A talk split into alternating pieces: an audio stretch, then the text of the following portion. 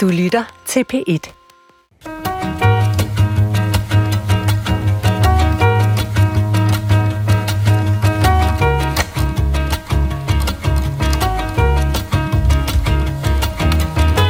Så gik jeg jo på det der Tinder, så var der tre matches. Kære Judy, du er en utrolig spændende, levende, kvindelig, dejlig, erotisk, sensuel, musisk kvinde. Og så skrev han, mm, jeg vil godt kysse dine dejlige bryster. Dating-appen Tinder fylder hele 10 år her i september, og den har skabt en ny måde for mennesker at mødes på. Og hvad betyder det for det sprog, som vi møder hinanden med, når det foregår på skærmen på ens mobiltelefon? Det bliver vi kloge på i dag. Og til at forklare mig, hvordan det der sådan, Tinder fungerer, og hvilket sprog, der knytter sig til det, har jeg samlet et lille batteri af folk, som både er på Tinder og har været på Tinder, og også som kigger på det udefra. Og den første er den 25-årige forfatter, illustrator og journalist på Dagbladet Politikken, Nina Prat. Velkommen til, Nina. Tak skal du have. Nina, lad os bare kaste os ud i det med det samme. Altså, hvorfor er du på Tinder, og hvad håber du på, at der kommer ud af det? Øh, jeg er på Tinder, fordi jeg er single først og fremmest, øh, og øh, jeg er det man nok vil høre mange, der er på Tinder, og især unge mennesker sige, det er, at øh, jeg er på Tinder for sjov, øhm, og det betyder, at jeg ikke nødvendigvis er der for at få en kæreste.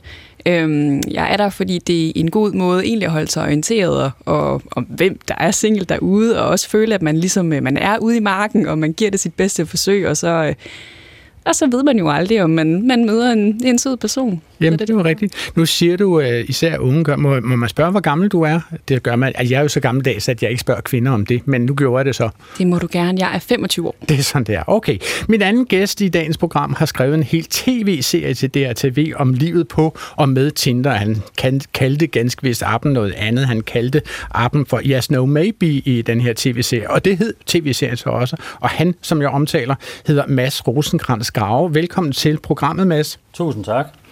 Øh, Mads øh, har i virkeligheden slet ikke tid til at være med her i programmet, fordi han er øh, til et bryllup i Edinburgh, øh, Skotland, tror jeg hvis nok det er, eller også er det Nordengland, sammen med sin kæreste, som han faktisk har fundet, fundet på Tinder for næsten tre år siden. Så man kan sige, at Mads er ikke på Tinder længere, eller det burde han i hvert fald ikke være. Det går jeg ud fra, at du ikke er, Mads, eller hvad? Uh, det håber jeg ikke, nogen af os har været i en rumtid. Godt. Men fortæl mig lige om den her uh, dating-app Tinder, som du i din tv-serie kalder uh, Yes, No, Maybe. Uh, hvad, hvad er det, som gør den dating-app til et velegnet omdrejningspunkt for en tv-serie? Jeg vil sige, først og fremmest så er det jo uh, møder mellem mennesker, der som tv-serie lever af. Uh, og og uh, den her app accelererer ligesom alt konfliktstof, der må være imellem to mennesker, til øh, noget tekst, som er hurtigt overstået, og så et møde, som kan være enten øh, utrolig flygtigt, eller øh, være øh, tortur i den tid, det varer. Øh, og øh, når man laver en komedieserie, så er det jo dejligt at torturere sin hovedkarakter. Øh, så de her møder var jo alle sammen nogen, hvor at der ikke var potentiale for mere, og den pinlighed, der kunne opstå i det rum. Og det er simpelthen accelerationen i Tinder, du taler om, som gør det til velegnet til dramatik. Altså, der er mange flere møder per uge, eller per, per turnus, eller hvad man skal kalde det. Ja, og hele processen er accelereret. Altså det her med, at man lynhurtigt skal sådan, øh, øh, fake en, en kemi og en rapport, som om, at man har kendt hinanden altid. Altså den her slow burn, der er, når man forelsker sig ind i sin arbejdsplads eller på sin, på sin skole, den eksisterer jo ikke. Du er nødt til lynhurtigt at hugge den anden øh, Øh, og få dem væk fra appen, fordi den er jo øh, sådan en cancercelle i kærlighedslivet, øh, fordi der, der konkurrerer man med alle mulige andre. Så, så, så man skal jo lynhurtigt øh, gøre det til noget reelt øh, over øh, en øl. Øh, ellers, ellers så forbliver det digitalt og dødt. Altså, du får det nærmest til at lyde som noget, som øh, von Clausewitz kunne have skrevet bøger om, i om krigsførelse, af hvordan man rykker ind og rykker sine tropper frem i en knivtangsbevægelse, jeg ved ikke hvad. Er det virkelig så dramatisk på, på Tinder-appen? Jeg ved ikke, om det er dramatisk, men det er en realitet, at, at folk er der med alle mulige forskellige agendaer, og der, det vil sige, at man, man skal på en eller anden måde møde som noget, der er ægte meget hurtigt. For mit vedkommende var det lynhurtigt at få noget humor øh, ind i det og noget liv. Okay, min sidste gæst er her i dag for at holde vores plovskær nede i de sproglige fuger. Hun er seniorforsker ved det Dansk, Sprog, Dansk Sprognævn, og også velkommen til programmet, Eva Skafte Jensen. Mange tak. Eva, altså hvis du tillader mig et lidt øh, personligt spørgsmål her fra starten, altså er du på Tinder? Nej, det er jeg ikke. Ja, hvorfor ikke? Det er faktisk, fordi jeg ikke rigtig kan overskue og skulle kaste mig ud i det. Men du er Øh, single, så vidt jeg husker, er ikke? Jo, okay. Jo, ja. men, øh, men du synes, at det er ikke, det er ikke din måde, tænker du? Ikke nødvendigvis. Det er mere et spørgsmål om at finde overskud og kræfterne til faktisk at gå i gang med det. Ja, okay. Men, men hvis du kigger på det sådan ud fra en sproglig vinkel udefra, altså hvad tror du så, eller hvad forekommer det så dig, kunne være de største sproglige udfordringer ved at møde folk på en digital dating-app? Jeg tror, det største, øh, det er, hvordan man får sat samtalen i gang. Øh, I den første, i det allerførste, man skal skrive til nogen, øh, der er der kun det, som man taster. Der er ikke ansigtsudtryk, der er ikke al, den krops, al det kropssprog, som vi plejer at ledsage ordene med. Og det betyder, at det er meget svært at fyre vidtigheder af. Det betyder, at det er meget svært at sige et eller andet, som skulle være lidt morsomt, men som måske ikke opfattes som morsomt, fordi man mangler alle, alle de ledsagende øh, hjælpemidler. Men så kunne man jo ligefrem sige, så, så ville du måske ligefrem have en fordel som sprogforsker, hvis du skulle kaste den der første sproglige snøre ud. Ja, eller omvendt. Altså måske ville jeg simpelthen blive så for, øh, på forhånd være så forskrækket over, at jeg ikke ville kunne komme til den første. Du kommer til at overtænke det, Eva. Ja, okay, godt. Mit navn er Adrian Hughes, og som usædvanligt godt gift gennem cirka 30 år, så kan jeg oplyse, at jeg ikke er og aldrig har været på dating-appen Tinder og eller andre med Tinder sammenlignelige eller associerede eller affilierede dating og eller andre score-apps. Så alt i de kommende 50 minutter vil være fuldstændig ny viden for mig. Og nu nævner du det jo, Eva, den her, den her første øh, replik, som jo er den, den første gang, man møder et potentielt match med. Altså, men nu kunne der jo måske være andre end Eva og mig, som er lidt grønne i forhold til, til øh, dating-appen øh, Tinder. Og der må jeg lige forklare dem, som ikke kender til den. Altså, man downloader appen, man lægger et par billeder op af sig selv, hvis man er til det. Så skriver man et forståeligt portræt af sig selv, hvis man vil det. Og så giver man appen øh, nogle kriterier for, hvilke øh, potentielle partnere man gerne ville møde. At det kan være fordelt på køn, aldre, eller et aldersspænd måske, og afstand fra, hvor man befinder sig lige akkurat på det tidspunkt. Og så øh, begynder man at kigge øh, appens foreslåede profiler igennem. Swiper man dem til venstre, så er det nope, altså nej tak, og swiper man dem til højre, så er det like, altså som i jo, øh, kunne godt, hvis det var. Og så findes der også et super like, som man har nogle få af, men øh, de begynder efter et stykke tid at koste penge. Hvis du har liket nogen, som også har liket dig, så har du et match, og så kan I indlede en samtale. Og Nina Prat, lad os begynde med det der med at indlede en samtale. Altså, hvad er, Nina, en god indgangsreplik? Øh, ja, det er sjovt, du spørger, fordi øh, jeg, jeg, jeg scrollede jo igennem min, øh, min chat-historik, for ligesom lige at få et overblik over, hvad... Som man jo gør. Ja, som man jo gør. Ja. og den er desværre meget lang. Ja, for jeg har nok. haft appen sådan on and off i otte års tid. Og øh, det var meget tydeligt, hvilken re- åbningsreplik, jeg havde modtaget allerflest gange. Modtaget, okay. Ja, øh, og den er ikke, det er ikke, fordi den er super original, men det er øh, sætningen, Hej Nina, du ser rigtig sød ud. Og øh, det er sjovt, for jeg kan, jeg kan se i min chathistorik, at det var en replik, som jeg i starten svarede på. okay. Først de første par år, så kunne jeg ja. godt finde på at svare på den, men senere hen er stoppet. Hvorfor stopper du med at svare på det? Øh, jamen, jeg, jeg forstår det jo som om, at jeg nok har, har øget min krav til, hvor kreativ en åbningsreplik man, man skal kunne give. Jo, jo længere jeg har haft en app, så har jeg nok øh, sådan, skulle bede om en lille smule mere fra, fra mine matches. Øhm, og så, øh, så fandt jeg for eksempel en, en, en lidt kreativ åbningsreplik også, som jeg, som jeg som, det var også en, en fyr, som jeg endte med at gå på et par dates med. Øh, Det er faktisk et, et internationalt eksempel. En fransk mand, der hedder Marcel. Øhm, så øhm, så han, han, jeg kan lige først nævne, at på min Tinder-profil, øh, der er et, et billede af mig, der maler nogle birketræer på en væg. Og så skriver han... Øh, Altså, du, du er jo også illustrator. Du laver jo også tegninger af folk, og meget fine karikaturer af folk og sådan noget. Øh, Så du, du tegner simpelthen, maler simpelthen nogle birketræer, som skal Ja. forestille birketræer og være på en væg. Ja, yeah, jeg Ja. ja. maler nogle store birketræer på en Ja. væg, og det er der så et billede af inde på min Tinder. Og så skriver han, øhm, nu siger jeg det lige på fransk, han skriver, Salut Nina, peindre c'est ton boulot. Og det han siger på, på dansk er, Hej Nina, øh, er dit job at male? Øhm, men ordet for job på fransk er boulot, men det er også det samme ord, man bruger for birketræ. Så det, det, det er det samme ord for job på birketræ, det boulot. Så det giver ikke rigtig mening på, på dansk, men på fransk... er det Som i ret- overhovedet ikke, Overhovedet Nina. ikke. virkelig, virkelig godt eksempel. Jeg kan godt, se, jeg kan godt mærke, at jeg mistede selvtilliden, når jeg skulle forklare det her eksempel. Men, men det, på fransk er det sådan en enormt enorm intelligent lille ordspil, han lige lavede. Det var intelligensen, der ramte Ja, dig. og det er også okay. et godt eksempel på fransk humor. Jamen prøv lige at høre, uh, Mads. Uh, nu, nu deltager du jo fra en bed and breakfast lidt uden for Edinburgh, og kan ikke se Nina så tydeligt, som du ville have kunnet, hvis du havde været her i studiet. Så du ved jo ikke, om hvor, Nina, hvor sød Nina eventuelt ser ud. Ikke? Jeg vil så påstå uh, med mit blik, at Nina ser utrolig sød ud. Men, men ville du finde på at skrive den uh, indgangsreplik der? Hej Nina, du ser sød ud. Vil det ikke gøre det for dig? Jeg synes, jeg synes man skylder, øh, hvis man er den så til initiativ, at, at anstrenge sig lidt mere. Og give den anden lidt at arbejde med. Og, og kilde lidt ved et eller andet interessant. Øh, jeg havde fransk i gymnasiet, så jeg fattede ikke en bjælle af det der. Jeg kan ikke bestille en croissant. Men det, det er noget i den dur, synes jeg. Det skal også være kort, tror jeg. Det der med at sende en væg af tekst, som den anden skal forholde sig til, det, det, det gider man heller ikke. Øh, men man skal finde den her balance mellem noget, der er kægt og originalt, og handler om den person, der står over, der står, der er modtageren. Så Mads, må jeg prøve at spørge dig? Altså nu er det jo ved at være snart tre år siden, du var på Tinder og fandt øh, din kæreste, som du er øh, på bryllupsdate med, kan man kalde det. Altså hvad, hvad, hvad ville din indgangsreplikker være, øh, dengang du var på Tinder? Altså jeg prøvede altid at anstrenge mig for at se noget, se den anden, og få den anden til at føle sig set. Øhm, fordi ellers er det lige meget. Hvis det bare er sådan en fabrik, øh, så, øh, så kan det være lige meget.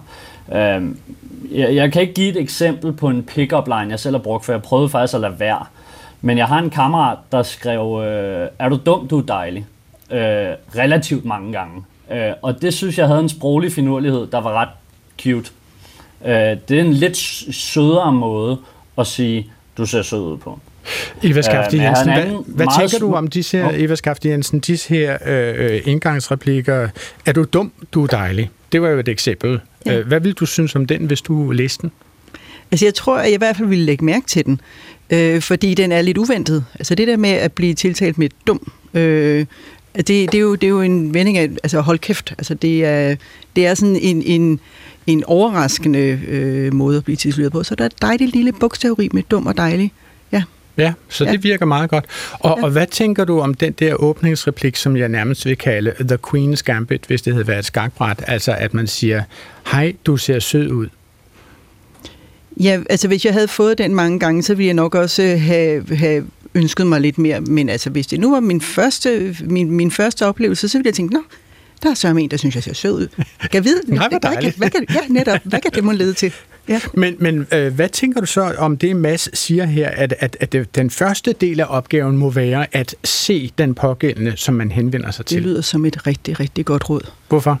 Fordi det er det, vi er ude på. Altså når vi er ude og date, når vi gerne vil være sammen med et andet menneske, så er det ikke fordi, vi bare vil være i rum med et andet menneske. Vi vil være sammen med et andet menneske. Og vi vil gerne se til det menneske. Mhm. Så jeg synes, det lyder som et rigtig godt råd. Nina, altså Mads kan jo åbenbart ikke huske de åbningsreplikker, han har lagt ud, dengang han havde brug for dem. Kan du huske nogle af de åbningsreplikker, du selv har lagt ud, som... Ja, øh, jamen jeg øh, bruger næsten altid den samme. Gør du Og, det? Du har den simpelthen på en makro på dit tekst. Ja. Øh, Shift F7, bumlum, så kommer den. ja, copy-paste. Øhm, og jeg kan afsløre, at det er sådan cirka 50-50, om hvorvidt den, den fungerer eller ej. Men når, når den fungerer, så fungerer den ret godt. Vil du sige den her i radioen? Naturligvis. øh, jamen, det er, øh, det er sådan ret blunt. Jeg siger... Øh, øh, ej, hvor er du smuk. Hvad fanden sker der? øhm, og, og jeg, Det er helt vildt, hvor er du smuk.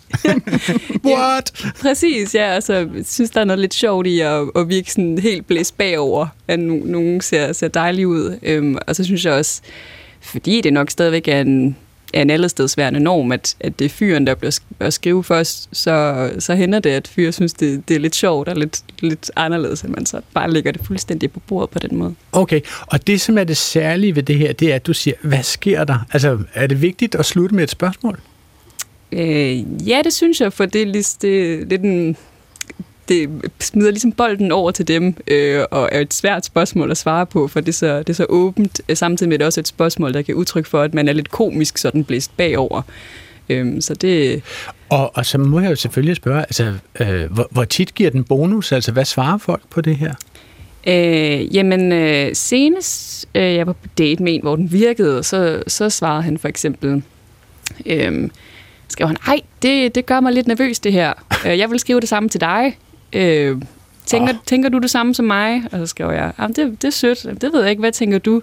Så skrev han, jeg tænker, at vi skal gå ud og være smukke sammen over et glas eller andet. Så det var sådan en... Det lyder da meget godt. Ja, det var meget fint. Mads, hvad siger du til, til disse her udvekslinger? Øh, jeg vil sige, at det er den luksus, man har som meget smuk kvinde at kunne sende til folk. Øh, fordi det er, det er, øh, det er købers marked, øh, den, den markedsplads. Og øh, det er meget øh, sjældent, at det er kvinderne, der åbner ballet. Og den måde, at man lægger sig fladt ned og øh, putter den anden op på en pedestal, er meget uvandt øh, for mænd at føle. Så der er et overraskelseselement, hvor rollerne bliver vendt om, som er øh, forførende. Let og ret. Men, men det bringer os jo øh, til at tale om selve altså kønsrollerne på Tinder. Og, og, altså, øh, du var jo inde på det, Nina Pratt, at du siger, det er faktisk uvandt. Det sker ikke så tit, at kvinden i et heteroseksuelt match er den, der spiller ud. Hvordan kan det være? Øh, jamen, det leder også tilbage til sådan good old-fashioned gentleman-kultur, øh, og har jo mere eller mindre altid været enormt, at det er mænden, der skal, der skal bejle. Øh, Men er det simpelthen stadigvæk sådan? Øh, jamen, det synes jeg nemlig ikke nødvendigvis, det er. Jeg synes, der er sket et, øh, sket et stort skift i stemningen, siden, øh, siden Tinder først kom for 10 år siden, og i dag er det ikke længere så jordsk. Altså, det er ikke så noget særligt. Hvis, altså, jeg skriver næsten altid til fyre først, øhm, så det, det er ikke længere en big deal at gøre det. Okay. Hvordan oplevede du det her, Mads? Var der et pres på dig for at øh, være initiativtageren i de dialoger, som skulle øh, sættes i gang på Tinder? Jeg vil sige, at man skal arbejde for det som mand, generelt. Øh, stadigvæk, tror jeg. Uden at jeg har været på det i overvis. Men, men, det, men det, jeg synes, den her øh, revolution af datingmarkedet øh, på mange måder har demokratiseret øh, processen, så alle er lidt mere ligeværdige. Det, det, der er et forsøg på at få, øh, mødes på et fælles plan, kan man sige. Så hvor mange gange, Mads, oplevede du, at der var øh, piger eller kvinder, som skrev til dig, før du havde skrevet til dem? Altså langt under 10 procent, vil jeg vågne den påstand. Øhm, men når det gjorde, så var det altid en, en, øh, en dejlig oplevelse, vil jeg sige. Der var altid de anstrengelser og var sjove og prøvede ligesom at åbne ballet øh, på en fed måde. Så jeg håber, at det er noget, at, at kvinder tager til sig, at det ikke er farligt. Øhm, okay. Her på redaktionen... har jeg også en fornemmelse af, at det er sket. Okay, her på redaktionen har vi øh, øh, to forskellige redaktionsmedlemmer, som faktisk er på Tinder, øh, og, og øh, øh, eksperimenterer en del med, hvad, hvad man egentlig kan bruge af første replikker, og øh, en af dem øh, har for eksempel øh, som eksperiment skrevet ud til det, altså mænd, som vedkommende er interesseret i, øh, bare med åbningsreplikken, gjorde det ondt? Hmm. Hvad ja. siger du til det, Nina? Øh, jeg tror godt, det hedder, at det refererer til, at det gjorde det ondt, da du, da du faldt ned fra himlen. Er det det, I snakker om? Nå, eller? undskyld, ja, ja der, der ligger simpelthen noget forudsat her. Ja, fordi man det fortsætter. vidste du Nej, det vidste jeg da ikke. Altså, gjorde det ondt, da du faldt ned fra himlen? Det er det, man mener? Ja, så gjorde du ondt, og så skal man svare, øh, hvad, hvad, for noget? Nej, hvad mener jeg havde, du? Og så jeg havde, ving, jeg havde vinger på, og jeg havde født med en faldskærm i ryggen, eller sådan noget. Der. Er, er det simpelthen implicit, I gjorde det ondt? Det, det er en total old, altså old school uh, pick-up line. Um, som, det, du fortæller mig, er, at det er en kliché. Det er, det er en kæmpe kliché, som kan være sjovt, men, men jeg vil sige, at den er rimelig udvandet på det tidspunkt. Vil den virke på dig, Mads? Altså, kunne, kunne man bruge sådan en åbningsreplik til dig? Gjorde det ondt? Vil du vide, hvad det handlede om? Øh, jeg, jeg kender øh, formatet så tydeligt. Altså, det, er jo, det er jo en pendant til knock-knock jokes. Øh, så, så jeg Fortæl mig lige, sige, hvad knock-knock jokes er. var overraskende. Det er knock-knock, så skal den anden sige who's there, så siger man et ord, så viser det, at det ord kan grejes. Det, det burde jeg lave et helt show om. Okay. Øh, øh, men, men hvis punchline var noget andet end, at det gjorde ondt, fordi man faldt ned fra himlen. Altså hvis man havde gjort det til sin egen, så ville den virke, synes jeg. Hvad er de sproglige perspektiver i det her, Eva? Altså, når man starter, indleder en samtale med, gjorde det ondt, og ligesom på en eller anden måde ved, at den anden burde vide, hvad det var, man mente med det. Altså, hvordan giver det mening? Altså, det giver jo mening, hvis man har fælles referenceramme, og hvis man ikke har det, så er man lidt, så er man jo lidt på den. Men så er der så åbenbart den, den mulighed, at man faktisk ægte og oprigtigt spørger, hvad mener du? Og ikke, ikke som en del af den for, forbestemte skabelon. Så hvis man, hvis man tilfældigvis er i en boble, hvor den anden godt ved, hvad man mener, når man skriver, gjorde det ondt, øh, så har man så allerede der etableret, at man i det mindste tilhører den samme boble, eller så, så har man ligesom sådan hegnet sig selv ind i en lille gruppe, eller måske en lidt større gruppe, eller hvad, Nina? Øh, ja, det vil jeg da sige. Altså, som udgangspunkt er det, er det altid en god ting at have en, have en fælles referenceramme, og generelt tale det, det, det samme sprog, altså sådan rent digitalt. Øh, der var for eksempel en, øh, en, jeg skrev med en fyr i 30'erne, tror jeg, øh, og jeg er som, som sagt 25, så der var ikke så langt op til, op til 30'erne, men så, skri, så afsluttede han sine beskeder med, med KH, øh, hvilket jeg synes var totalt gammeldags. Det, det, det er jo ikke, så, det er ikke sådan noget, unge mennesker gør. De skriver ikke KH. Hvem skriver KH? Så ifølge dig, Nina? Jamen, det, det, altså, det er jo nok noget, når min far lige ønsker mig en god dag, skriver en KH-far. Altså, det er noget, jeg Så det skal være folk, der er 30 år ældre end dig, simpelthen? jeg må gerne skrive KH, men en fyr 30'eren må ikke. Ja, det skaber i hvert fald, der er nogle, virkelig nogle generationskløfter, der gør os unødvendigt store, når i virkeligheden tror jeg ikke nødvendigvis, vi vil have nogle problemer med at forstå hinanden. Okay, lad os lige gå tilbage øh, til den her kønnede forskel, der er på, hvordan man bruger bruger øh, en dating-app. Ikke? Mads, i den tv-serie, som du har skrevet og instrueret, Yes, No, Maybe, så er der jo den her forskel på, hvordan karaktererne bruger appen. Kvinderne bruger appen for at finde kærligheden, og mændene ser det til synlædende mere som et slags spil. Jeg synes ikke, at det er en lille smule klamt at lave dating om til et spil, eller hvad? Dating er jo et spil i forvejen. Altså, vi har bare printet det ud mm. og lamineret det. Okay. Hvordan gør man? Det er ligesom det er Magic Cards og Uno og bilspil, bilspil blandet sammen, ikke? Så i stedet for er det bare med yes, no, maybe matches. Ja. Kæft for det plat. I tænker kun med pikken. Det er jo en hyldest, kan man sige. Det er en hyldest? Til kvinder. Ja. Så hvis jeg tager et billede af nu og lægger op på Insta, og skriver, hvad jeg laver og sker, ej, det tror jeg, man jeg gør. God idé. Yeah. Det er måske ikke så uh, samtykkeagtigt med det. Nej, jeg har ikke Det vil jeg jo ikke anbefale. Men det er gentleman-spil, ikke? Og regler er regler, vi må lige... Og en hyldest. Ja. Og det her Yes, No, Maybe-spil i serien er jo selvfølgelig en parodi på Tinder, kan man sige. Men Mads, er der, er der noget ved den måde, Tinder fungerer på, som får nogle af brugerne til at opfatte det som et slags spil?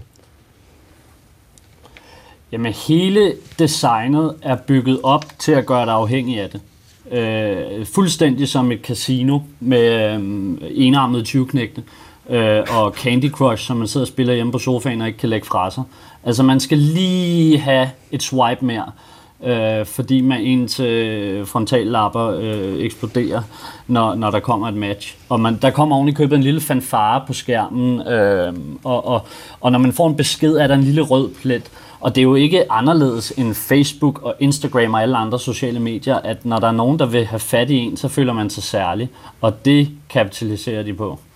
Vil du give øh, Mads ret i det, Nina? Altså er der simpelthen øh, en eller anden indbygget mekanisme i Tinder, som giver dig et lille endorfin-rush, når du får et match eller sådan noget? Ja, absolut. Og det er både en, en, altså en slags gave og en forbandelse, øhm, for det gør jo, at, at du aldrig bliver super spændt, øh, men du bliver nok heller aldrig super skuffet. Øh, altså det vil sige, at hvis man, øh, lad os sige, at jeg får et, et, det, jeg betragter som et rigtig godt match, vi har en god samtale, og så stopper han med at svare mig. Det gør ikke så ondt, fordi så kan jeg få et, jeg ved, der, der er ligesom en endeløs sådan karusel af, af nye matches. Der skal nok, der er altid en pige og en sporvogn til, som man sagde. ja, det er meget gammeldags ja. men ja. det er fair nok. Men, men tror du, der er en forskel på, hvordan kvinder og mænd opfatter det der lille endorfin-rush, der kommer med pling, du øh, har et match? Øh, ja, det tror jeg. Øhm, og jeg ved ikke, om det er en lille smule sådan øh, bold at, at foreslå, at øh, jeg tror, eller min oplevelse er også, når jeg snakker med veninder og, og venner generelt, at øh, kvinder er nok ret dygtige til det med at brande sig selv på Tinder. Altså det med at udvælge de gode billeder og... Øhm, ligesom, øh, der er sådan nogle forskellige små sociale koder på Tinder, som for eksempel øh, det er ligesom en univers, universel anerkendt ting, at hvis du har en meget lang bio, altså ens profiltekst, hvis den er meget lang, så ligner man en, der går sådan lidt for meget op i det. Skal virke som om, at Tinder det er lidt noget, man har på siden. Så det må man ikke. Man må ikke skrive mange ord om sig selv. Jamen, det, det kan der være nogen, der, der er til, men sådan, derfor på Tinder kan man faktisk se, hvem der er populære brugere. Og der er et generelt mønster i, at de populære brugere, de har samme type profil. Og det er sådan nogen, som, som ikke har særlig meget tekst. De har lidt samme type billede. De har ikke nogen selfies, for eksempel. Det er ikke nogen spejlselfies heller, eller billede i bagoverkrop eller bikini. Eller ligesom sådan nogle generelle koder, som, øh, som går igen, øh, og, og som jeg nok oplever. Jeg tror, altså, øh, det er sjovere at være fyr på Tinder, altså en heteroseksuel fyr, end måske en heteroseksuel seksuel kvinde. For kvinder, jeg ved ikke hvorfor, men fanger måske de der koder lidt hyppigere, end, end mænd gør. Men Nina, nu rapplede du lige en masse koder af dig, og, jeg, og, og, og, og af dig, og, og jeg ved sådan set ikke, at hvad, for, for det første sagde du, man må ikke tage selfies, eller, eller du sagde, det, er det kikset at, at præsentere sig selv med en selfie, eller hvad?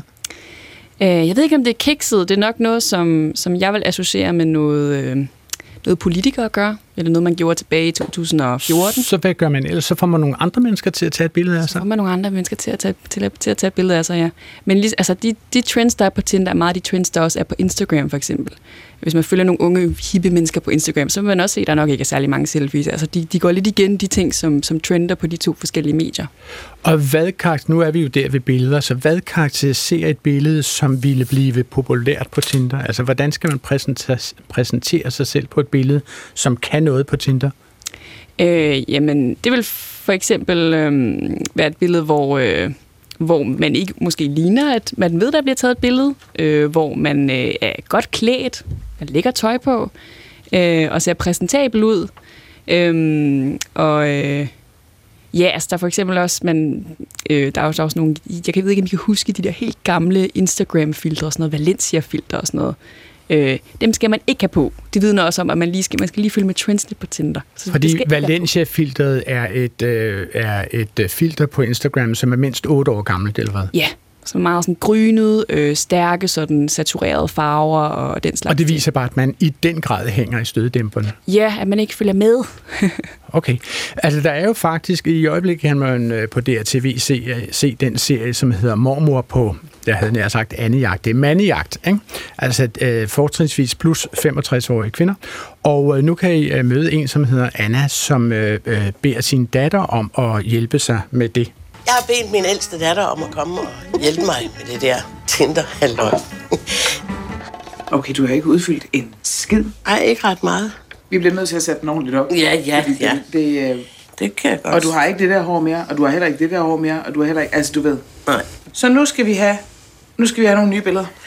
Ja. Ned med det hoved. Og så tager du hovedet lidt frem, fordi det er der ikke nogen, der kan se. Du må gerne lige... Jo, sådan der. Ej, det er fint. Det er dejligt. Prøv at løbe og smile en lille smule. Godt. Rediger profil. Okay. Det er flot. Det er godt. Det, Ej, selv, det, det kan jeg godt lide. Mads, hvad vil du sige? Altså, hvad, hvor meget energi lagde du i at få lavet de, eller selv at tage de rette billeder, eller få andre til at tage de rette billeder af dig, da du var aktiv på Tinder? Jeg vil sige, at jeg havde de samme billeder stort set hele vejen igennem. Der er åbenbart ikke nogen, der tager billeder af mig, og jeg har ikke fabrikeret billeder i overvis. Øh, så det eneste tidspunkt, jeg sådan begyndte at overveje det, det var sådan, da jeg synes, det var lidt pinligt, at jeg var blevet 10 kilo tungere end nogle af de billeder, der var. Så der må være nogen, der har været slemt skuffet, da de kom på første date med mig. At der begyndte at øh, tangere bedrageri, ikke at have nogle billeder, der ligner. Øhm, men ellers så, så synes jeg, at det, det, det må være øh, naturligt forekommende billeder. Det vil sige, dem der, dem, der har et rigt socialt liv og er ude og opleve ting med fede mennesker, der også er aktive på sociale medier, har et meget større kartotek at hive hjem af, Øh, og du øh, har et problem, hvis du går i træningscenter fem gange om ugen, og de eneste billeder, du har, det er selfies af din overarm. Øh, altså sådan, det er, det er bare et medie, der egner sig bedre til outgoing mennesker, mm. end øh, mere introverte typer, der har få bekendte. Nina står her og nikker, og det er også måske i forlængelse, Nina, af, at du tidligere nævnte det her med bare op, overkrop, og det vil jeg også gerne spørge til. Er bare overkroppe okay, eller er det uh, no-go? Øh, Ja, jamen det, uh, det, det her det bliver lidt nu, er det lidt forskelligt i forhold til præferencer. Øh, jeg, jeg tror, den gængse person er, altså, vil associere en bare overkrop på Tinder med noget, der sådan er lidt, ikke nødvendigvis vulgært, men lidt altså, seksualiseret. Øh, og men det kan er godt... Tinder ikke seksualiseret?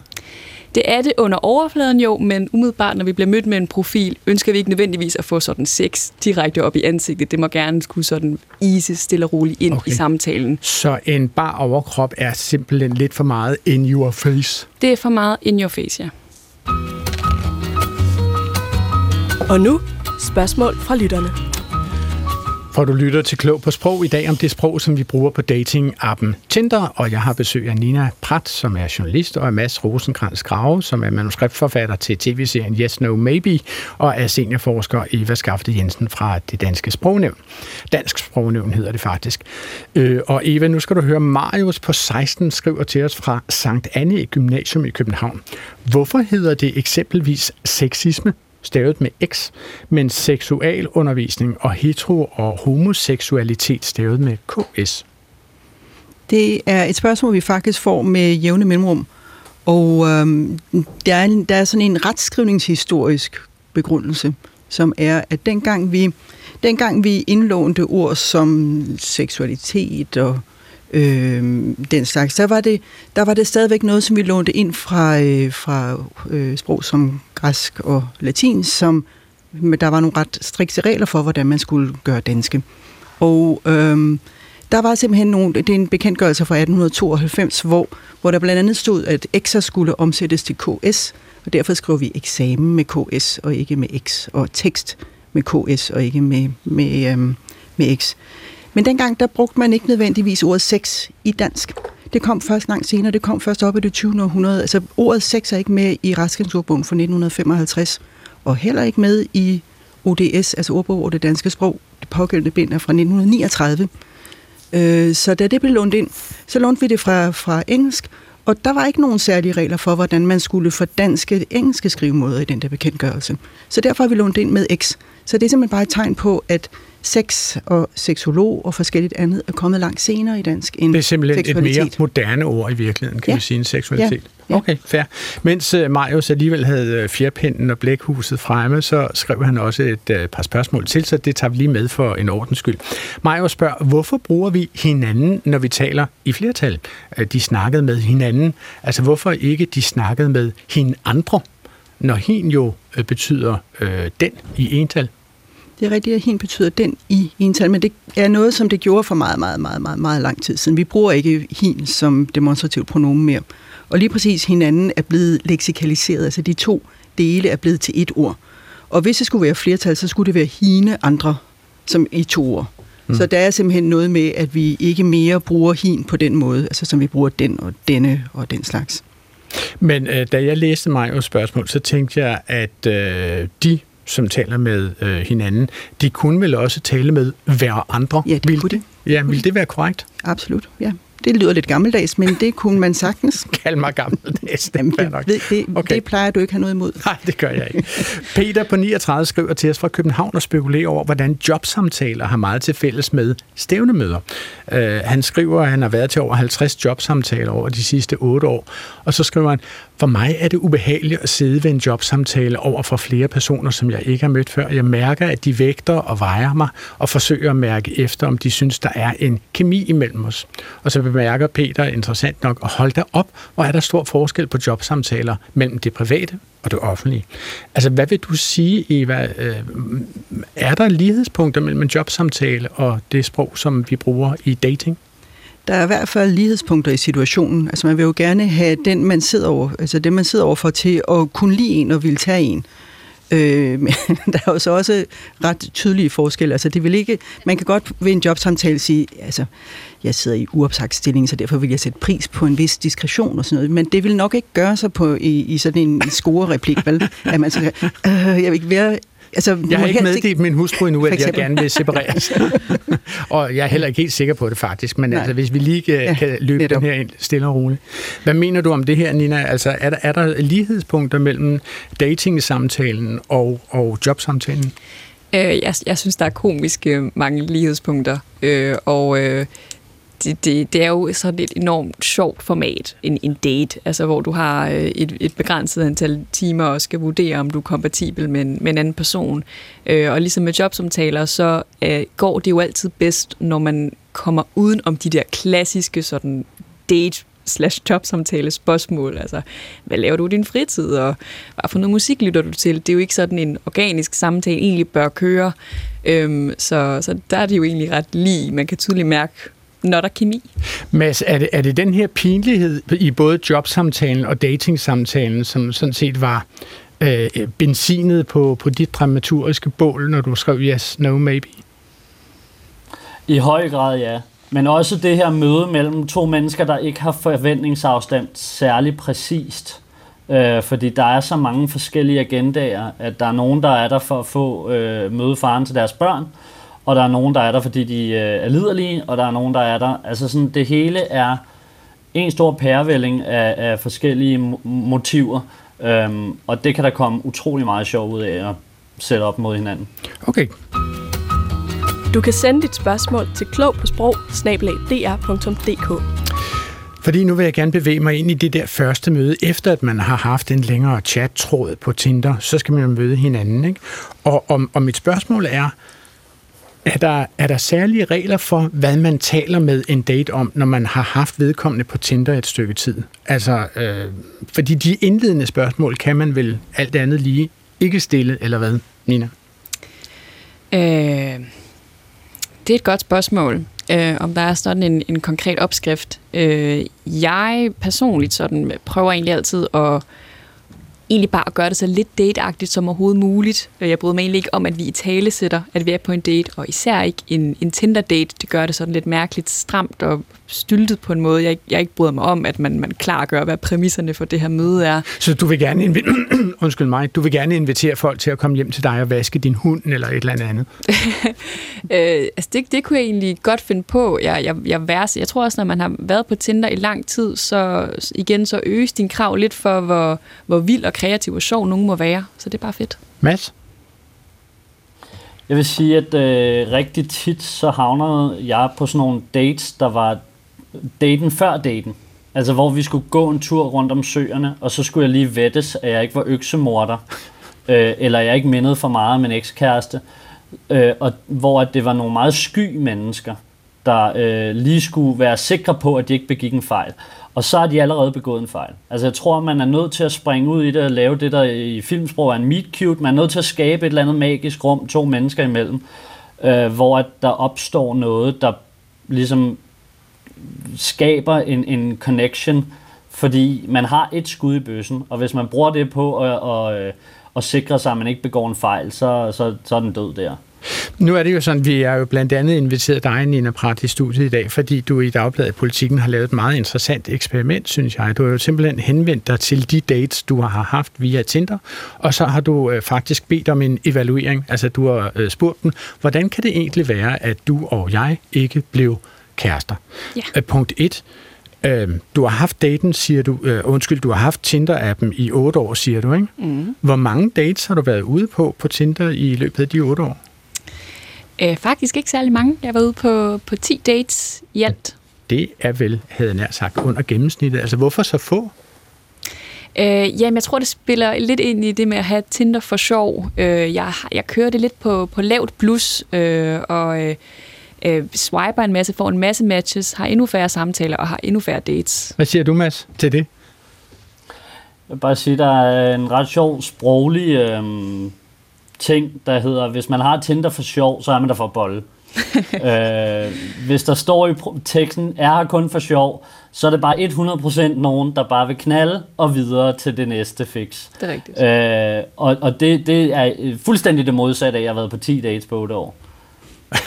ja, så, så, så, så man kan sige sprogligt set, når du omtaler din tilstedeværelse på Tinder, det er det, Mads siger, så passer det ikke med, hvordan du egentlig var på Tinder. Altså, du var på Tinder, eller er på Tinder, og har haft relativt, altså, relativt seriøs omgang med det. Altså, selvom du siger, at du var der for sjov, så har du haft en ret seriøs omgang med det. Øh, ja, jeg vil også sige, at der, der er kæmpe stor forskel på at sige, at man har Tinder for sjov, og på, jeg er fuldstændig enig på at skrive i sin bio, at man har det for sjov. Det betyder, noget fuld, altså det betyder to vidt forskellige ting. At skrive i sin bio, jeg har Tinder bare for sjov, så vil du bare gerne knalde. Okay, så er jeg nødt til at spørge dig, Nina, altså hvor, hvor, hvor grænseoverskridende er det på en skala at bede sine dates om at vende tilbage og komme med en evaluering?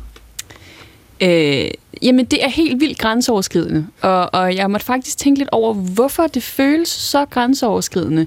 Øh, andet end jeg bare var bevidst om, at det, det jo går imod normen. Det er ikke noget, vi plejer at gøre at konfrontere nogen, man har ligesom forsøgt at være sammen med i en date-kontekst, hvor det ikke fungerede at høre, om de vil give en en anmeldelse.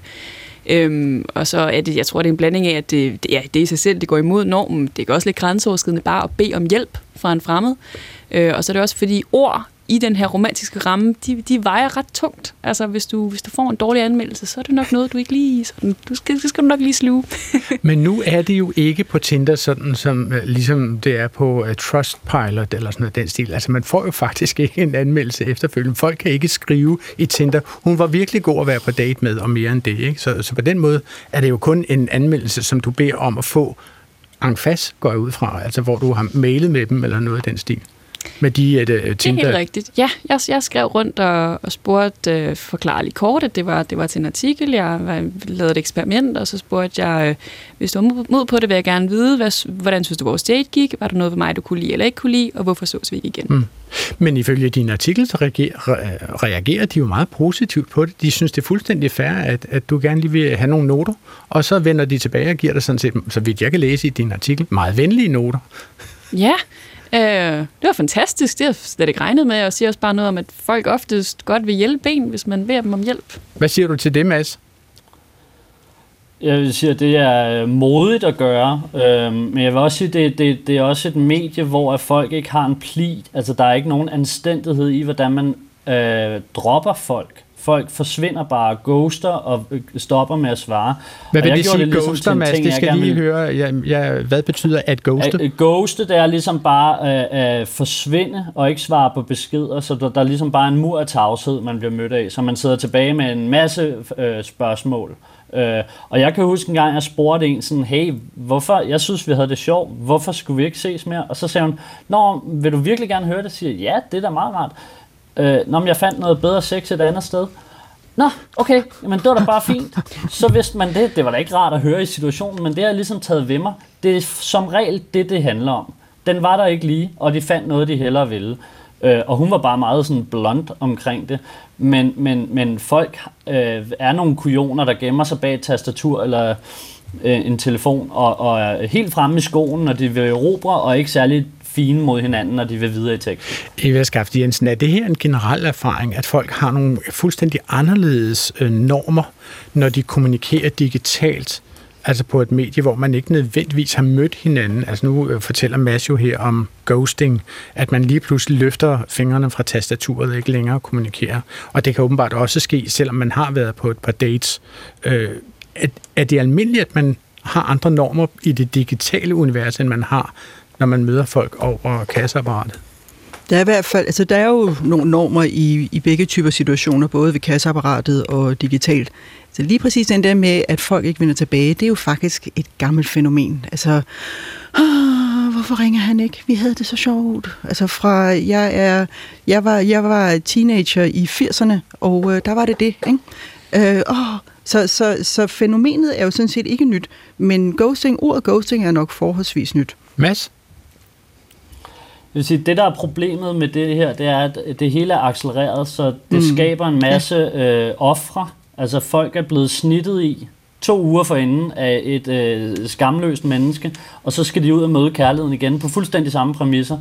Og det bliver sådan, øh, det, det, der er en række seriekrænkere, der render rundt og krænker videre, og så skal, skal man få hård hud eller møde nogen, der behandler en ordentligt, og det er bare svært begge dele. Ja. Altså, øh, nu er det jo sådan i den der serie, du har skrevet, Mads, uh, Yes, No, Maybe, ikke? som man hvis nok stadigvæk kan finde på DRTV, det er jeg ikke helt sikker på. Men altså, øh, du lader din hovedkamp... Lav lige lidt lobbyarbejde, for den kommer tilbage. Ja, men den var også fremragende. Jeg kan godt huske den. Den var meget skøn, selvom den, du ved, portrætterede en verden, jeg ikke er i. Men, men du lader en af dine hovedkarakterer i serien, Yes, No Maybe, gøre øh, det, at han øh, er ude på en date øh, sammen med en kammerat, og så er øh, vores hovedperson, som faktisk tilfældigvis hedder Mads, No Relation, øh, han øh, dater sådan set en, der hedder Freja, og, og dennes veninde veninde bliver så datet af Mads gode kammerat. Og i et ubevagtet øjeblik, så øjner øh, Mads chancen for at scrolle ned over sin næste date. Synes du ikke, det er lidt wack at være på Yes No Maybe, mens du er på Yes No Maybe date? Hvad for noget? Jeg så bare, du var på Yes No Maybe. Nå, ja. Synes du allerede, at daten er så dårlig? Nej, nej, det er en god dag. Altså om noget, så er I faktisk lidt for gode til, til bordfodbold. Altså der, hvor jeg gik på højskole, der kunne man enten spille bordfodbold eller bolle. Mm. Så do the math. Ja. Tror du, dig og Freja, I kommer til at bolle senere? Er bare fordi, jeg skal overnatte hjemme hos hende. Jeg skal tidligt op i morgen, så vi finder vel meget barnedåb, så du kan altså ikke til hjem til hende og bolle. Nå, ej, det havde jeg slet ikke tænkt på, faktisk. Altså, nu er det jo Mads, der har skrevet det, så ham vil jeg ikke spørge, og instrueret det har han jo også. Altså, øh, Nina Pratt, når du hører den her dialog, øh, synes du, at den forekommer dig øh, realistisk? Øhm, ej, der er nok skruet lidt op for, for dramaturgien. Øhm, så, så blond synes jeg trods alt ikke, man, man, man er på en date. Øhm, Men, men hvad er koderne her? For det, det, det handler jo meget om pli her. Ikke? Altså må man, for eksempel må man forblive aktiv på Tinder øh, et antal dates inde i et muligvis forhold, eller hvad? Hvad, hvad må man, hvad må man ikke? Øh, jamen, det er gener- generelt en ting, man jo bestemt ikke taler om på de første par dates. Der, du prøver bare, altså den, den vigtigste sociale valuta er bare at være cool. Du skal ikke, altså, du skal ikke virke for, for anmasen, eller skulle stille spørgsmål omkring, hvad man er for noget. Der var en gang, hvor jeg var på, på en date, hvor jeg, der var for eksempel lidt, altså, der var en notifikation, der kom op på min telefon, hvor der stod, at jeg har fået et nyt match på Tinder. Øhm, og det var sådan lidt... Kan du ikke slå de notifikationer Jo, ej, det fra, var ikke- når det du var er på ikke så date? eller? Har du hørt om flytilstand? Ja, det var not my finest hour, men... Øhm, men Snakkede I så om det? Altså fordi det Nej, det dukkede gjorde op? vi på- ikke. Nå, okay. ja, jeg vendte bare telefonen om. Øhm, Så det er simpelthen totalt tabu, det der med, at Tinder eksisterer samtidig med, at du er på en date? Ja, jeg tror bare, altså også i, i forvejen, så er en Tinder-date jo egentlig desværre ikke så romantisk. Øhm, der, har jo ikke, der har jo ikke været en slags optakt, eller en, en, man har måske skrevet lidt sammen, men, men det er jo en fremmed person, du møder. Øh, så i forvejen er det faktisk lidt sådan aromantisk grundlag, man, man mødes på, så, så det er sådan, du ønsker, altså det gør det bare endnu mindre romantisk, og ligesom i talesæt, at man stadigvæk swiper videre på Tinder. Okay.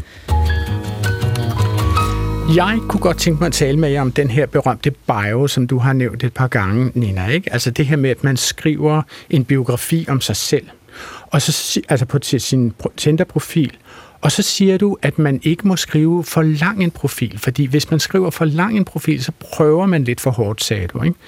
Kan du forklare mig noget mere om det? Hvorfor, hvorfor fungerer det sådan? Øhm, jamen igen, den, den vigtigste sociale valuta på Tinder er, at du, du virker cool, du virker ret, du virker ret afslappet Du skal omkring virke det. ligeglad, faktisk. Du skal virke en lille smule ligeglad. Øhm, og, og det er også derfor, at det kan, virke, altså det kan virke lidt afskræmmende, når nogen har en rigtig lang biografi, for så går de rigtig meget op i det. Virker det som om, og ligesom hvis nogen skriver, at de søger en kæreste, kan det også virke som om, at de, de prøver lidt for hårdt. Ej, hvor tavle, hvor synd. Ja, det altså, er- han det- søger en kæreste. Jamen, det er brutalt. Hul, meget brutalt. Hul. Prøv lige at høre. Der fandtes jo en tid før Tinder, kan jeg så oplyse de tilstedeværende om. Ikke? Der var engang noget, der hed kontaktannoncer. Det var sådan nogle øh, øh, annoncer, som man indrykkede i blade, øh, og så skrev man billetmærket ved dem, og så fik man så svar tilbage fra bladet. Folk, som svarede på kontaktannoncerne, vidste ikke, hvem der stod bag disse billetmærker. Jeg er sådan bladret lidt i gamle blade. Jeg er sådan en, som har gamle blade på hylderne. Og øh, nu kan vi bare tage en tilfældig kontaktannonce, som er ret gammel, så vidt jeg kunne se. Den, hedder, den, den lyder sådan her, ikke? Original i Aarhus. Jeg er en 21-årig flot, slank, charmerende, inspirerende og lynende intelligent nytilflettet fyr her i Aarhus, som søger en, som føler sig cirka lige sådan. Jeg er også humoristisk, uforskammet ærlig, varm og kærlig. Jeg havde, har jeg en skavank, så skulle det lige være, at jeg samtidig forekommer en anelse selvglad. Men det lader du dig forhåbentlig ikke skræmme af. Mine interesser er, så kommer der en lang liste af interesser. Prøv for sjov skyld at svare, hvad har du at miste, andet end lidt tid og et frimærke. Nina Pratt, nu kigger jeg først på dig. Kunne det, du står og krammer dig. Hvorfor er det her så mega klamt?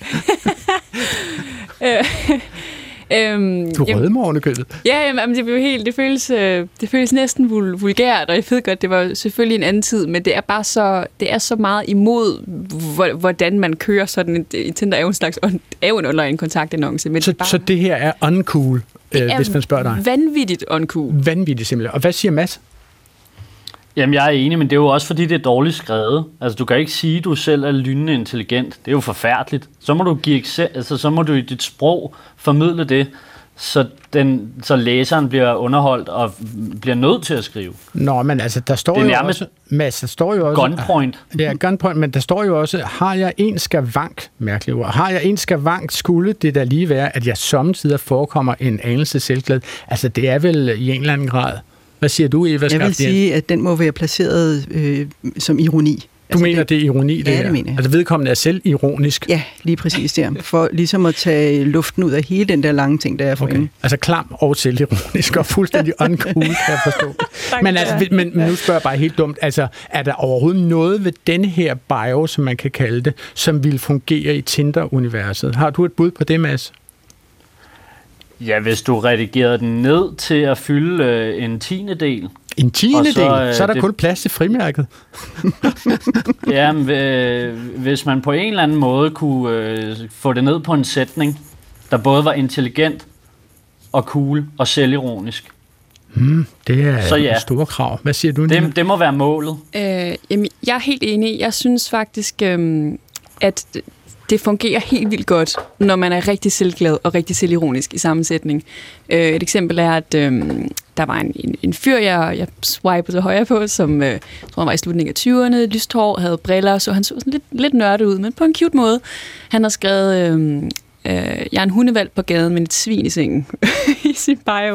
Og det gjorde ikke rigtig mening, men altså, det var bare sådan en dejlig blanding af, af at være alt for meget på en, på en sjov og, og stille og rolig måde. Så var der en, en anden en, øh, ham her, øh, som i øvrigt, jeg vil lige vise, vise jer i studiet billedet, fordi det, det er sådan fuldstændig klassisk øh, Tinder-fyrs billede, det her. Det er en, det er en, Vi må ikke nævne hans navn, men altså, det er en meget sød fyr, vil jeg faktisk sige. Og han står er glad og gerne og viser en kæmpemæssig af ham formentlig fanget torsk frem. Og han øh, står i noget, der ligner meget smukke, muligvis grønlandske omgivelser.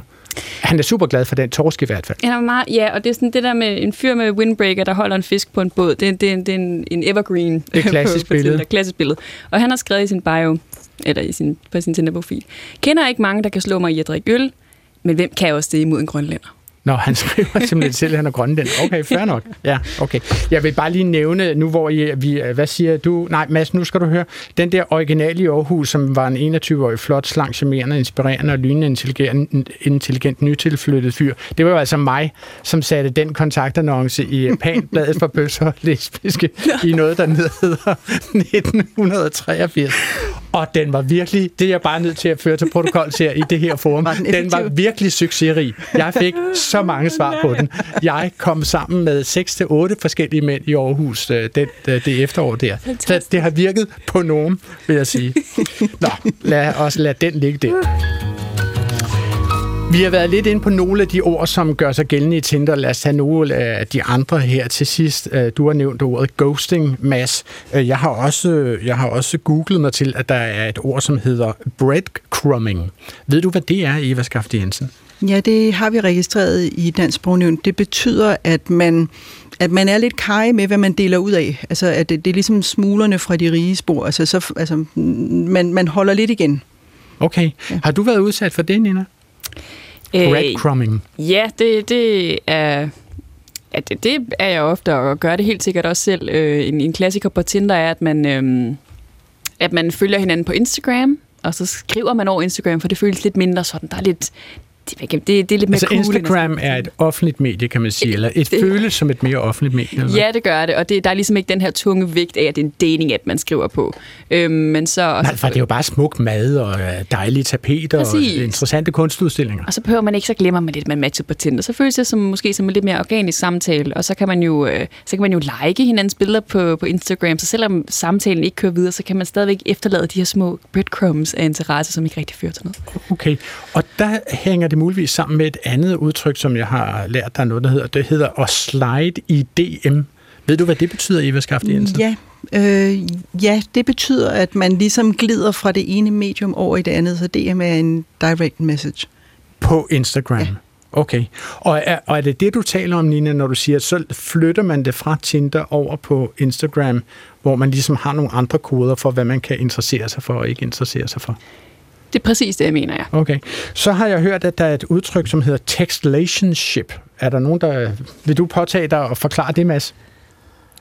Det ved jeg ikke noget om. Jeg vil bare lige pointere, at det faktisk er, ikke kun er, øh, at man går fra Tinder over til øh, Instagram, det er jo, at, at hele den her datingkultur har haft en afsmitning på andre sociale medier, så det er socialt acceptabelt nu bare at skrive til en eller anden fremmed og shoot your shot, som det hedder, og lige give det et skud, skud om man kan, øh, om man kan få en eller anden øh, snak op og køre.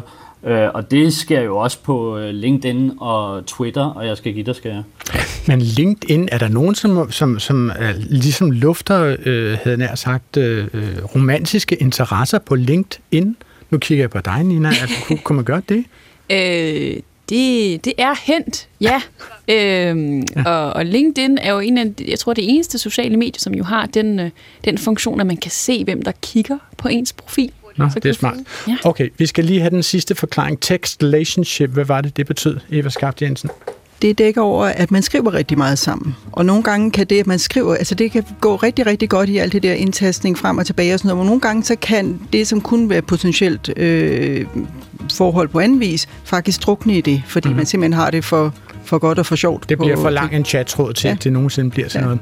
Og det var, hvad vi valgte at tale om i Klog på Sprog i dag. Jeg vil gerne sige tak til alle mine gæster for, at de ville være med her i dag, både i studiet og på telefonen fra et bryllup over i Edinburgh. Nina Pratt er journalist ved Politikken, og Mads Rosenkrantz Grave er manuskriptforfatter og instruktør med på telefon selvfølgelig. Og Eva Skafte Jensen er seniorforsker ved Dansk Sprognævn. Og til, øh, så vil jeg sige, at det her program var tilrettelagt af Hector Brunhøj Husum og Svala Sigfuser, som også stod for teknikken og præsenteret af mig, Adrian Hughes. Man kan altid sende spørgsmål til klog på sprog, på genhør næste fredag op til middagsradioavisen. Gå på opdagelse i alle DR's podcast og radioprogrammer. I appen DR Lyd.